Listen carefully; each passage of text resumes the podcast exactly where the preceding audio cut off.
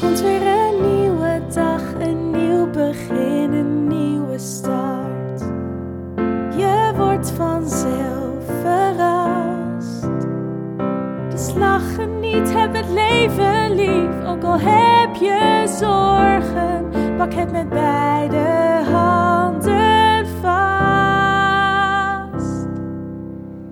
Dit is de Alles is Liefde podcast.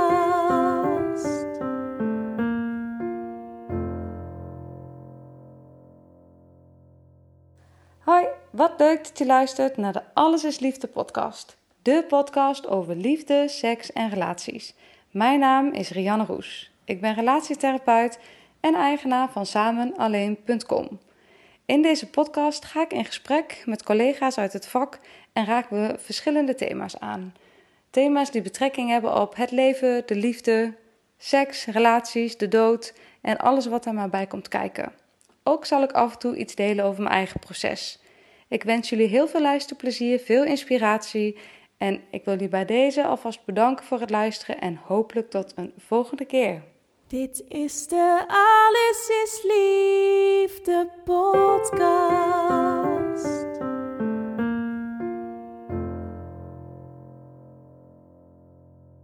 Hey, wat leuk dat je luistert naar weer een nieuwe aflevering van de Alles is Liefde podcast. Ik uh, had beloofd jullie op de hoogte te houden van waar ik mee bezig ben in mijn bedrijf en hoe dat gaat, hoe ik het vind gaan, hoe um, mijn overwegingen zijn om bepaalde keuzes wel of niet te maken. En hoe ik eigenlijk als therapeut probeer uit te breken uit het bestaande pad van um, klassificatie, uurtje, factuurtje, declaratie, productie. Nou, allerlei termen waar ik gewoon niet blij van word. Want ik denk dan aan een fabriek, ik denk aan een productiebedrijf wat zoveel mogelijk productie moet draaien. En dan denk ik, dat gaat toch niet meer over mensen. Dat gaat toch niet meer over jou of over mij of over de relatie die ik heb met de mens van wie ik hou.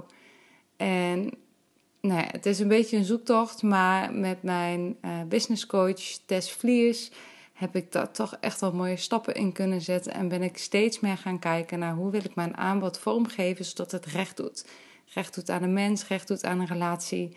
En zodat het ook leuk is. Het is zo vaak dat ik mensen zie in mijn praktijk en dan is het een uurtje praten. En in het eerste uur, of in dat uur, in de eerste minuten van dat uur, is eerst nog het koetjes, kalfjes, de koffie. Soms zijn er wat praktische dingen die besproken moeten worden. En dat is oké. Maar wat ik merk is dat het eerst weer op gang komen is met elkaar. Afstemmen op waar de energie zit. Afstemmen op hoe iedereen erbij zit, wat er gebeurd is. En voor je het weet heb je het zo uh, een kwartier over de orde van de dag. En soms merk ik dat je na een uur echt in een laag diepe bent. Dat je verder bent in het gesprek, in uh, het aanraken van de thema's waar het eigenlijk over gaat. En dan het laatste tien minuten voor het gesprek zit je toch stiekem al op je klok te kijken, omdat je denkt, ja, zo komt de volgende. Zo heb ik alweer iemand met wie ik moet afstemmen en wie is het ook alweer. En dat is gewoon niet wat ik wil, op die manier werken. En ik denk echt dat het anders kan. En deze week is zelfs al gebleken dat het anders kan, op een hele mooie manier. En daar ga ik jullie nu wat verder over vertellen. Want afgelopen week was het namelijk zo dat ik mijn eerste dagdeel heb gedaan met een, uh, met een klant.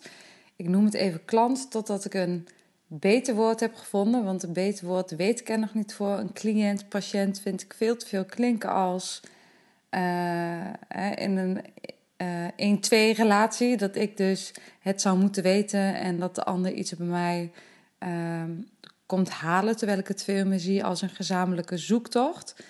En in dat dagdeel, want ik merkte al, ik had deze vrouw gesproken en er was zoveel. Vaak is dat bij mensen zo dat op het moment dat je naar de therapeut stapt, er eigenlijk al zoveel is. Er is zoveel in het wat, er is zoveel wat besproken moet worden over um, wat is er aan de hand, met, op wie heeft het betrekking, hoe heeft het kunnen ontstaan, waar komt het vandaan. Um, er is vaak heel veel gebeurd voordat mensen aan de bel gaan trekken. En er is dus heel veel te delen voordat je met elkaar uh, in die laag dieper komt, waar ik het net al even over had. Dus ook met deze mevrouw afgesproken, laten we nou een dagdeel op een mooie plek, uh, op een rustige plek waar veel privacy is, waar veel buiten is, een natuurgebied, een plek waar we buiten kunnen zitten in alle privacy, maar ook waar we binnen kunnen zitten. Het is zelfs een plek waar we in de winter, uh, of als het koud is, de houtkachel kunnen aanmaken. Een goede kop koffie erbij, wat lekkers erbij zodat we in alle rust met elkaar kunnen afstemmen, kunnen verbinden, kunnen verdiepen.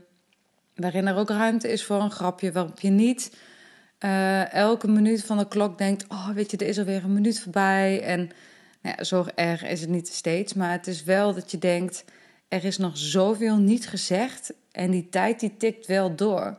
En op die manier uh, denk ik dat het niet recht doet aan ja, wat je eigenlijk met elkaar neer zou kunnen zetten. En zo bleek ook in die ochtend waarin we samen hebben gewerkt. Allereerst vloog de tijd voorbij. En je kunt gewoon rustig aankomen. Je kunt uh, met elkaar even gaan zitten. Hoe zit je erbij? En langzaamaan is het een soort spiraal um, waarin je elk laagje uh, samen met elkaar doorloopt. En uiteindelijk kom je uit bij de kern van waar gaat het nu eigenlijk over? Wat is een volgende stap? En wat kan je nu doen? Maar tegelijkertijd rijst er ook meteen een andere vraag op van... hey, hoe komt het nu dat ik in dit patroon terecht ben gekomen? Er is dan veel meer ruimte voor het wat. Wat is er allemaal aan de hand? Wat, is, wat speelt er? Wat heeft er gespeeld? Wat is onbesproken? Wat is misschien nog nooit gedeeld? Waar moet het misschien wel over gaan? En vervolgens kom je dus al na één sessie uh, na één dagdeel op de vraag uit van... hé, hey, maar hoe komt dit nu? Want ik zie een patroon in mijn leven. Ik zie een patroon in waar ik steeds weer even val. En ik wil heel graag dat ik daar meer grip op krijg. En ik denk dat je op die manier, als je op die manier gaat werken... dus veel dichter bij de mens blijft en veel meer kan invoegen. En um, dit, was, dit was eigenlijk maar een dagdeel. En ik merk dat een dagdeel weinig is als er heel veel speelt. Een dagdeel zou misschien veel geschikter zijn om met elkaar te oriënteren. Hey, waar gaan we nu naartoe? Heb ik voldoende aan, aan de handvatten die ik uit een dagdeel krijg? Of geeft juist het dagdeel weer welke thema's er allemaal spelen en moet dit in een traject? Dus daarvoor zou je een dagdeel ook kunnen gebruiken om te onderzoeken: hé, wat is nu voor mij het meest passend? Of voor ons, want het is natuurlijk ook voor koppels. En een dagdeel, ik merk sowieso om als opstart daarmee te beginnen, dat dat heel erg fijn is. Omdat er alle ruimte, alle tijd, alle energie is uh, om het echt te hebben over waar het over gaat. Wat ik nu vaak merk in de intake is dat nou, dat uur is gewoon zo snel voorbij. En het is kijken op de klok. Ik heb soms het idee dat mensen naar huis gaan met het, met het gevoel: oh ja, het was wel een fijn gesprek. Maar het was pas een, een tipje van de sluier. Er is nog zoveel meer. En vaak is het zo dat als je de stap zet naar de therapeut, dat er echt wel wat drempels voor overgegaan moeten worden. ik weet niet of dat overal in het land zo is, maar hier in de achterhoek heerst daar echt nog wel wat, wat, wat schaamte, of zit er nog wel wat schaamte op, is er echt nog wel wat taboe rondom. Dus voordat je naar de therapeut gaat, is daar ja, is daar wel wat voor nodig. En als je dan die stap hebt gezet, de afspraak is gemaakt en je hebt dan eindelijk die afspraak. Sommige collega's hebben zelfs in drie kwartier de sessie afgerond. Dan is het te kort, het is te weinig. Je laat je op om zo'n gesprek te doen en uiteindelijk is na drie kwartier vliegt het voorbij. Je bent waarschijnlijk uitgeput van de spanning en van de zenuwen. Maar wellicht ook met het gevoel van, ja, maar dit was pas het, was pas het, was het tipje van de sluier. Dit was nog misschien helemaal niet waar het eigenlijk over gaat. Je hebt misschien net één laagje eraf gehaald. En elke keer is er ook weer die stap naar de therapeut. Elke keer van, oh, is het nu echt nodig of is het niet nodig? Hebben we nog wel wat te bespreken? En ik denk dat als je in een dagdeel of in een dag of in een traject gaat zitten, je veel meer ook de commitment voelt en ook veel meer voelt dat je gezien wordt en van daaruit een verandering in gang kan zetten. En zoals ik al noemde, het Um, het is hier een taboe, denk ik nog best wel. Maar als ik van mezelf spreek, ik vind het ook altijd een cadeautje als ik uh, de leertherapie mag volgen. Of als ik uh, een opleiding doe waarbij ik ook zelf met eigen proceswerk aan de slag ga. Zoals bij de identiteitsgerichte psychotraumatherapie in Culemborg bij Walter de Vries. Dan doe ik zelf de opstellingen. En daar word ik altijd zoveel rijker van. En tuurlijk, het is emotioneel soms, het is ook confronterend soms.